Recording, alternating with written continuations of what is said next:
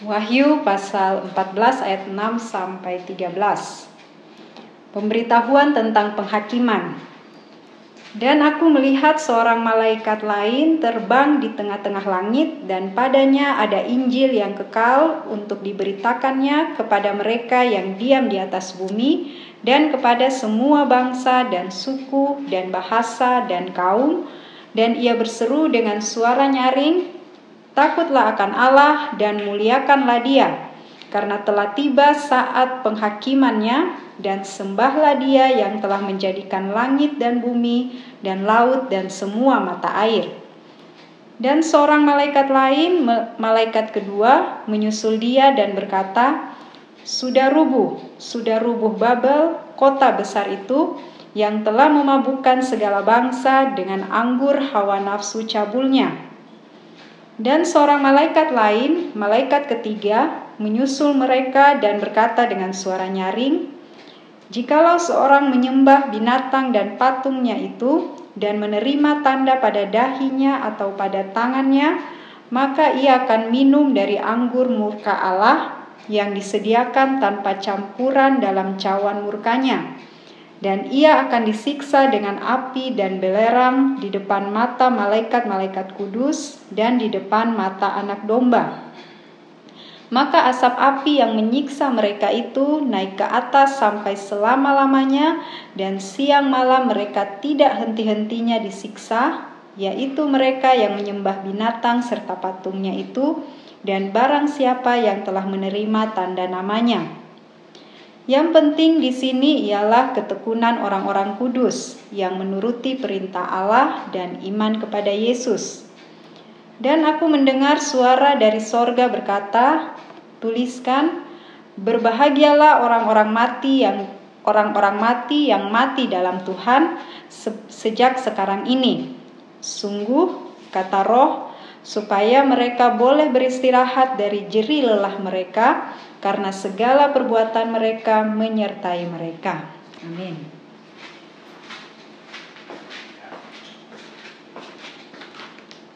Bapak, Ibu, saudara-saudari, dan adik-adik yang dikasih Tuhan, di pembacaan Firman Tuhan saat ini masih ketika Rasul Yohanes di Pulau Patmos, dia dibuang oleh pemerintah Romawi waktu itu karena memberitakan Injil Tuhan Yesus. Jadi memang resiko ya memberitakan Injil bisa dibuang ya sebagai narapidana seperti Rasul Yohanes ini di Pulau Patmos yaitu di Kepulauan Aegea. Itu letaknya di Yunani tetapi bersebar, berseberangan dengan Turki yaitu jemaat Efesus, Smyrna, Pergamos, Tiatira, uh, Philadelphia, apalagi Laodikia.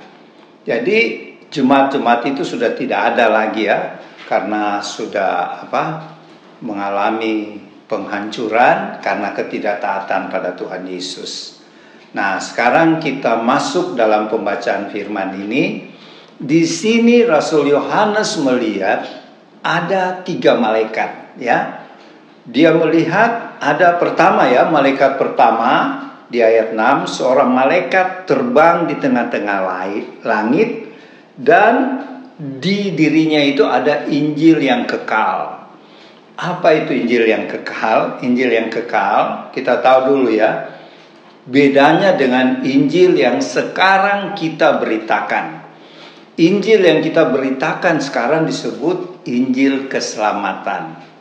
Injil Kristus yaitu tentang perbuatan-perbuatan Tuhan Yesus dia mati di kayu salib bangkit dan naik ke sorga untuk keselamatan seluruh umat manusia termasuk Bapak Ibu, saudara-saudari, adik-adik dan kami.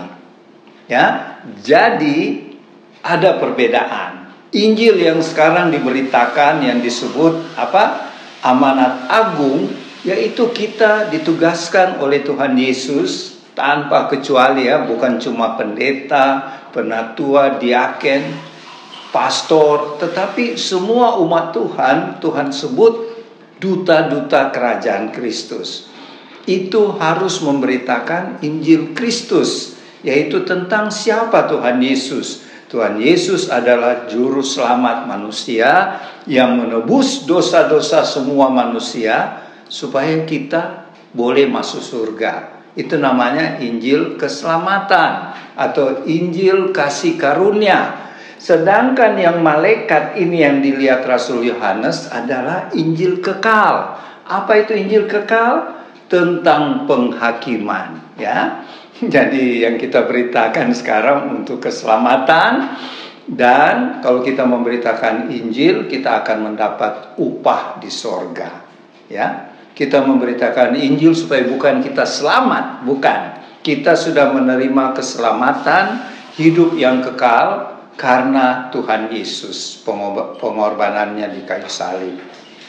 Ya, itu yang disebut Injil kasih karunia Injil keselamatan. Sedangkan malaikat yang memberitakan Injil kekal ini dia berkata, ini isi Injil kekal itu, takutlah akan Allah, muliakanlah Allah dan sekarang penghakiman mulai berjalan. Dan sembahlah Tuhan yang sudah menjadikan langit dan bumi dan laut dan semua mata air. Jadi malaikat pertama yang dilihat oleh Rasul Yohanes memberitakan Injil supaya manusia pada zaman itu nanti jadi pembacaan kita ini yang kita sebut masanya di masa tujuh tahun di tahap kedua jadi tiga setengah tahun berikutnya kan masa tujuh tahun kesukaran itu terbagi dua ya, tiga setengah tahun pertama. Di situ antikristus mulai bekerja mempengaruhi dunia sehingga menimbulkan kerajaan Babel ya. Kemudian di uh, masa uh, tiga setengah tahun keduanya itu, jadi tujuh tahun dibagi dua ya, tiga setengah tahun pertama, tiga setengah tahun kedua. Peristiwa ini yang dilihat oleh Rasul Yohanes terjadi di tiga setengah tahun kedua ya. Jadi di sini Tuhan memperingatkan lagi semua manusia yang ada di bumi semua suku bangsa melalui seorang malaikat. Ini kita bisa bayangkan ya supernatural. Sekarang saja tidak pernah ada yang bisa malaikat ya bisa melihat. Tapi pada zaman itu nanti di masa kesukaran besar itu tiga setengah, tiga setengah tahun kedua, semua manusia di bumi bisa melihat seorang malaikat dari surga memberitakan Injil kekal ini. Jadi Injil juga diberitakan oleh malaikat ya. Tetapi bedanya dengan Injil kasih karunia yang kita apa beritakan sekarang yang kita sebut amanat agung itu kita akan mendapat upah di sorga. Kalau malaikat tidak ada upahnya lagi. Jadi itu bedanya ya.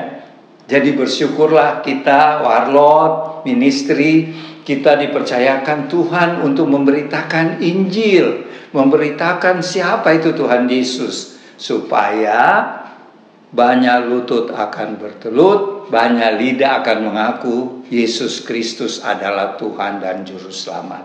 Ya. Jadi pembacaan kita sebenarnya lebih populer dikatakan pemberitaan atau pelayanan tiga malaikat. Ya sebagai penjelasan gini ya. Kita punya saudara-saudara dari gereja Advent Masehi hari ketujuh, ciri khasnya mereka di sini. Jadi kalau Bapak Ibu saudara-saudari adik-adik lihat di YouTube di Amerika itu pelayanan tiga malaikat itu adalah kepunyaan gereja Masehi Advent ketujuh. Di situ tentang akhir zaman semuanya ya. Karena memang itu ciri khasnya Advent ya, gereja Advent. Jadi ministry mereka namanya pelayanan tiga malaikat ini. Ini diambil dari yang kita baca sekarang Wahyu 14 ayat 6 13, 6 sampai 13. Gereja Advent menekankan di situ ciri khasnya mereka pelayanan tiga malaikat ini. Ini supaya kita mengerti saudara kita ya yang di gereja Advent. Ya, ada teman kita dulu tapi sudah almarhum, Jenny Flora, dia dari gereja Advent ya, sudah almarhum dia. Nah, kemudian setelah itu Rasul Yohanes melihat ada lagi malaikat yang kedua di ayat 8 malaikat itu berkata sudah rubuh, sudah rubuh Babel kota besar itu, ya.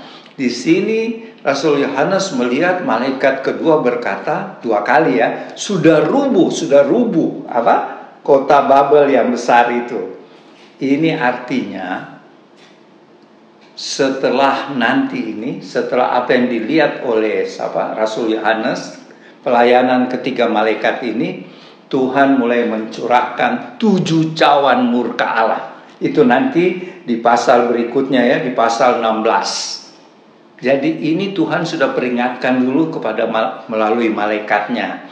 Malaikat pertama supaya orang-orang mau menyembah Tuhan dan apa? takut akan Tuhan dengan kata lain bertobat. Karena waktu itu dosa sedang berkecamuk, ya.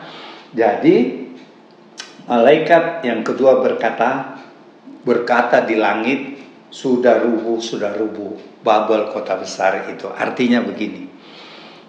Pada waktu tiga setengah tahun kedua, Babel itu dihancurkan. Ya, yang dihancurkan pertama apa? Agama Babel. Siapa yang menghancurkan agama Babel? Si antikris sendiri. Kenapa dihancurkan agama Babel yang dia bangun itu? Supaya semua orang tidak percaya lagi Tuhan Yesus, tapi percaya dia karena dia sudah gila kekuasaan, dia menduduki Yerusalem dan dia mau dia yang disembah. Ada di kitab Wahyu berikutnya ya. Ada juga di kitab Nabi Daniel. Itu yang disebut, disebut si durhaka itu. Durhaka itu antikris. Dia akan membuat perjanjian dengan bangsa Israel pada tujuh tahun pertama ya tiga setengah tahun. Di tiga setengah tahun kedua dia menduduki Yerusalem dan dia masuk di bait Allah yang ketiga yang sedang rencana dibangun sekarang oleh bangsa Israel. Dan dia suruh orang Israel menyembah dia. Dengan kata lain agama Babel yang dia bangun itu untuk menyaingi uh, pengikut-pengikut Tuhan Yesus dia yang hancurkan sendiri supaya menyembah dia dan dia dirikan patungnya ya.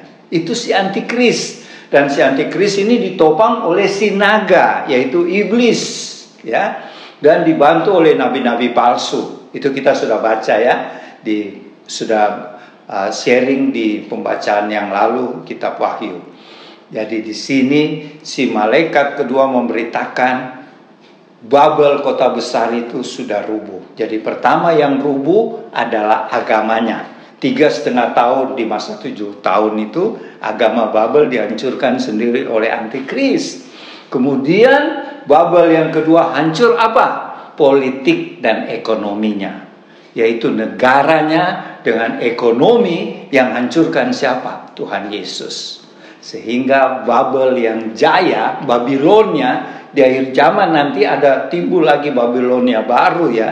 Sesuai kitab Wahyu ini itu Tuhan marah betul. Itu dinyatakan di tujuh cawan murka.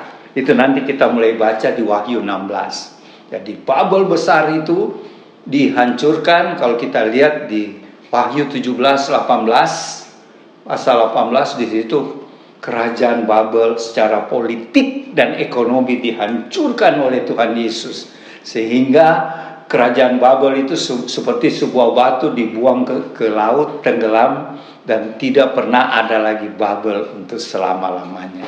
Ya, itu di pembacaan berikutnya nanti.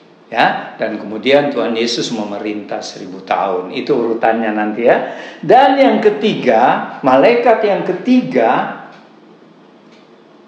muncul malaikat yang ketiga di ayat 9 mengingatkan kalau orang-orang yang menyembah binatang itu, binatang itu si antikris yang buat patungnya ya.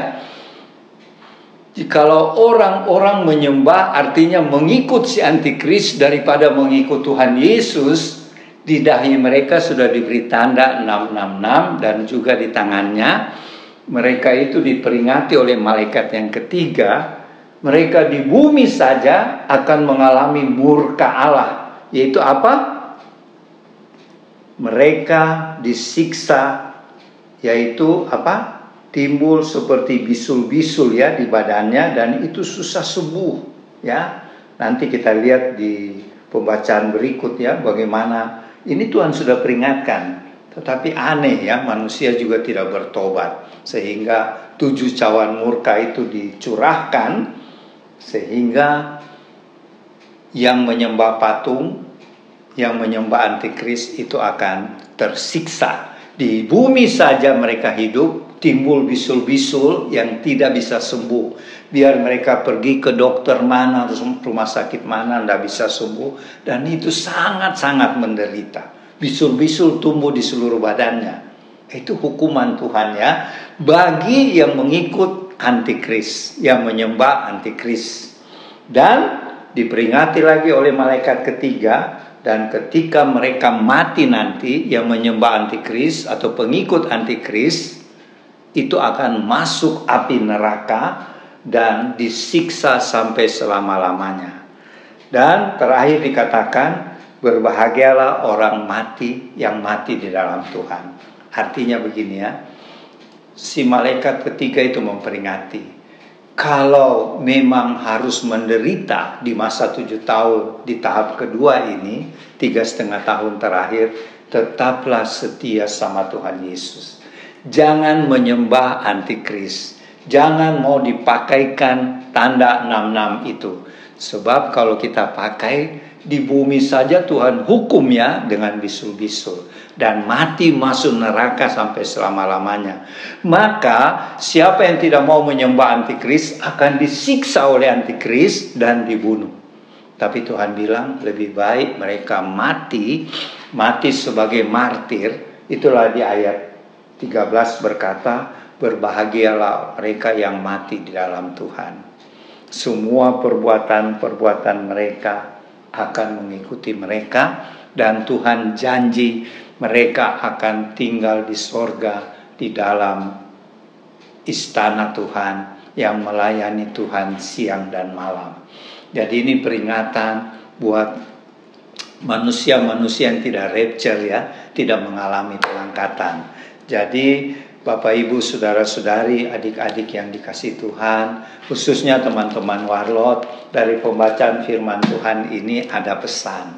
Yang pertama, marilah kita hidup benar, hidup kudus, menjalankan firman Tuhan, melakukan amanat agung, memberitakan Injil kasih karunia, supaya banyak jiwa diselamatkan dan kita mendapat upah di sorga. Dan yang kedua, marilah kita berjaga-jaga dan berdoa karena tanda-tanda kedatangan Tuhan Yesus sudah banyak yang terjadi. Seperti gempa bumi di Turki, di Suria, di Rumania, di Libanon, banjir di mana-mana di Indonesia dan juga di Eropa, di Australia. Itu di Matius 24 dikatakan, Tuhan Yesus katakan, Itulah tanda-tanda menjelang anak manusia yaitu Tuhan Yesus akan datang kembali. Ya, mari kita berjaga-jaga dan berdoa, hidup kudus, tidak bercacat celah dengan pertolongan Allah Roh Kudus. Demikianlah firman pada hari ini, semoga bermanfaat dan diberkati. Tuhan Yesus memberkati dan nanti yang melengkapi Oma Palar ya. Selamat siang teman-teman, Bapak Ibu di rumah dan teman-teman tim Warlot. Kita jumpa lagi siang ini.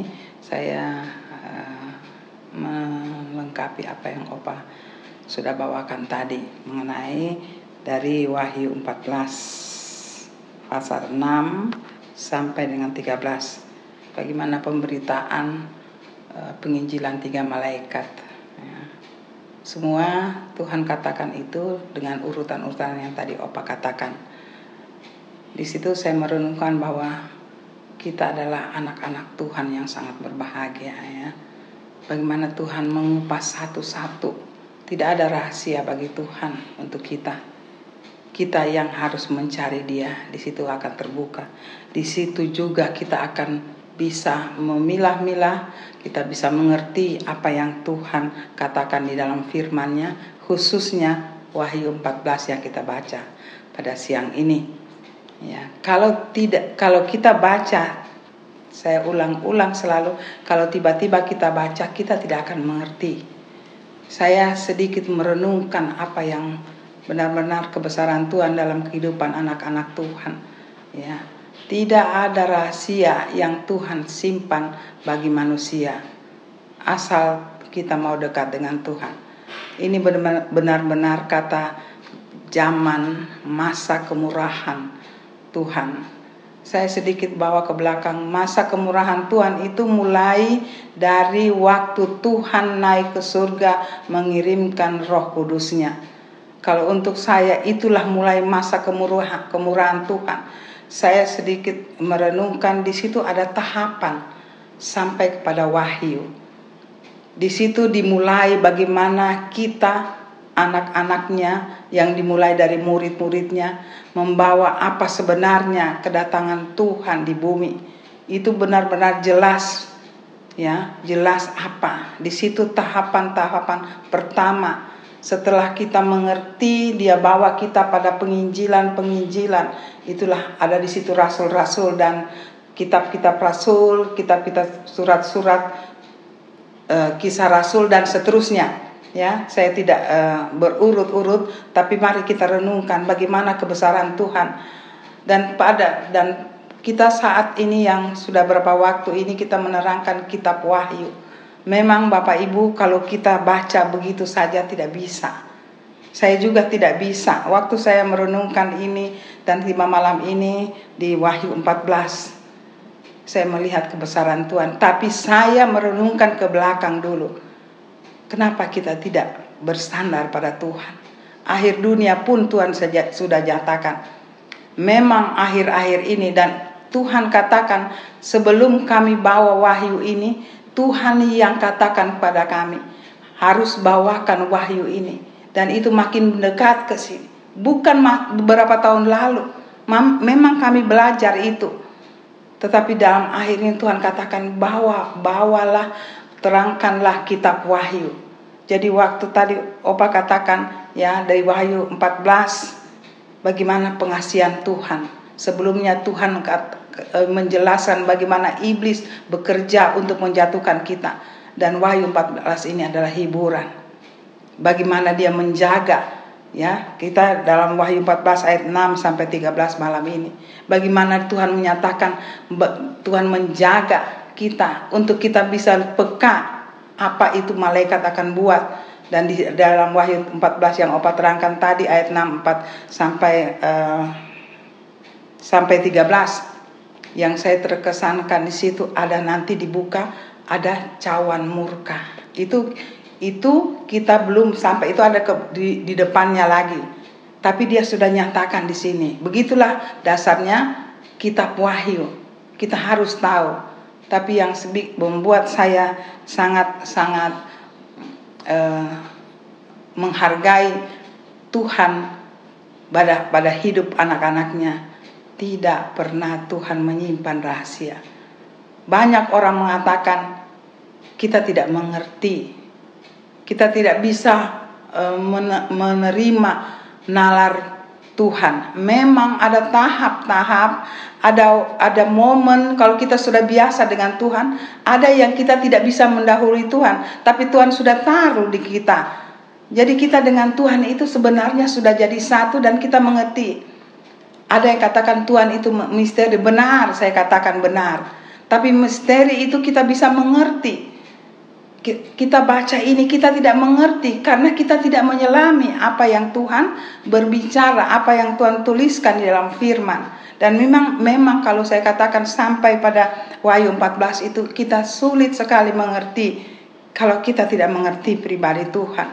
Kita tidak mengerti pesan-pesannya. Kita tidak mengerti apa rencananya dari awal penciptaannya. Saya sedikit ulang-ulang supaya ibu bapak, saudara-saudari di rumah bisa merenungkan ini. Ya, Tuhan sangat mengasihi kita. Nah, penginjilan tiga malaikat ini yang Opa katakan saya tidak ulang, itu khusus untuk akhir zaman. Ya, saya teringat banyak penginjilan. Kita hanya tahu penginjilan, tapi membedakan penginjilan itu ada di situ. Kalau kita membaca, kita tidak bisa juga membaca tanpa kita berdiskusi dengan teman-teman yang seiman, ahli-ahli Taurat, ahli-ahli firman Alkitab yaitu pendeta hamba Tuhan ya. Di situ Tuhan bekerja. Jadi bagaimana Tuhan menilai kehidupan kita? Bapak Ibu tidak pernah Tuhan tinggalkan kita. Dan sekarang kita ada di zaman akhir zaman. Sebenarnya untuk saya akhir zaman itu dimulai dari zaman kemurahan, tapi di situlah akhir zaman juga. Tapi di situ saya ulangi lagi ada tahapan di situ supaya kita bisa juga mengerti pada akhirnya. Nah sekarang kita sudah pada wahyu karena dunia akan berakhir. Nah di sini saya menghayatinya. Memang sebelumnya saya belum terlalu ya tapi akhirnya saya juga masuk dalam pengertian itu Tuhan betapa hebatnya engkau terhadap kami anak-anakmu. Penginjilan tiga malaikat saya tidak mengulangi apa yang opa katakan tadi tapi begitu hebatnya Tuhan. Kalau kita tertinggal teman-teman bapak ibu di rumah itu sudah untuk sama bahasa saya sudah keterlaluan ya. Kita tidak bisa, bisa menyesal. Begitu banyak waktu Tuhan berikan jadi kita mau bekerja sebagai manusia, sebagai yang diciptakan Tuhan mencari hidup bersama dia. Dia juga menghibur. Wahyu 13 saya ulang itu bagaimana Tuhan menerangkan ya iblis yang begitu rencana merencanakan dia buka semua untuk kita dan sekarang penghiburan Wahyu 14 Apakah kita tidak berbahagia? Sebelum ini kita baca, kita renungkan kehidupan kita beberapa bulan, berapa tahun terakhir ini. Begitu banyak nubuat yang sudah dibukakan Tuhan. Dan kini Wahyu 14, kamu jangan takut. ya Ada penginjilan khusus untuk kita anak-anak Tuhan. Tidak usah kita takut. Ya. Saya aminkan itu pembacaan malam ini saya tidak banyak untuk uh, mengupas karena itu sudah, sudah sangat jelas. Cuma saya ingin Bapak Ibu teman di rumah, mari kita semangat cari tu, cari mem, uh, hidup bersama Tuhan. Kita mencari jiwa, kita persembahkan kepada Tuhan. Jiwa-jiwa yang mungkin tidak ada jalan keluar dalam kehidupan mereka. Ya, kita bantu. Ya, mungkin kita hanya bisa secara fisik, bantulah Mungkin kita hanya bisa untuk mengatakan hiburan yang tidak punya pengalaman yang apa yang ada pada kita. Katakan kepada eh, teman-teman kita, orang yang belum kenal kita, ya. Mungkin kita tidak bisa seperti orang lain, ya. Ada hamba Tuhan, kita punya talenta yang kecil, tapi mari kita bersama katakan pada tuh pada teman-teman kita atau sahabat-sahabat kita atau tempat bergaul kita, mari tidak lama lagi Tuhan datang ya. Kita mungkin tidak mengatakan tapi cara hidup kita membuat mereka melihat kita beda. Mereka datang mendekati kita dan kita nyatakan tidak lama lagi Tuhan datang. Mari kita bersemangat Bapak Ibu di rumah. Malam ini Tuhan membuka lagi satu wawasan bahwa kita menghadapi kehidupan akhir zaman ini dengan penginjilan tiga malaikat. Saya percaya Bapak Ibu di rumah akan belajar lagi lebih selain kami berbicara di sini untuk lebih menyelidiki Wahyu 14 ayat pasal 14 ayat 6 sampai 13. Kiranya itu menghibur Bapak Ibu, teman-teman di rumah menjadi satu pegangan bahwa dan kekuatan Tuhan tidak tinggalkan kita. Kiranya ini Roh Kudus akan memberi pengertian lebih dari apa yang kami katakan. Ya, Kiranya Tuhan memberkati, membungkus kita dengan kuasa darahnya dan Roh Kudus memberikan pengertian dengan lebih lagi selain kami di sini. Tuhan memberkati sampai kita jumpa lagi pada minggu depan. Amin. Maranatha.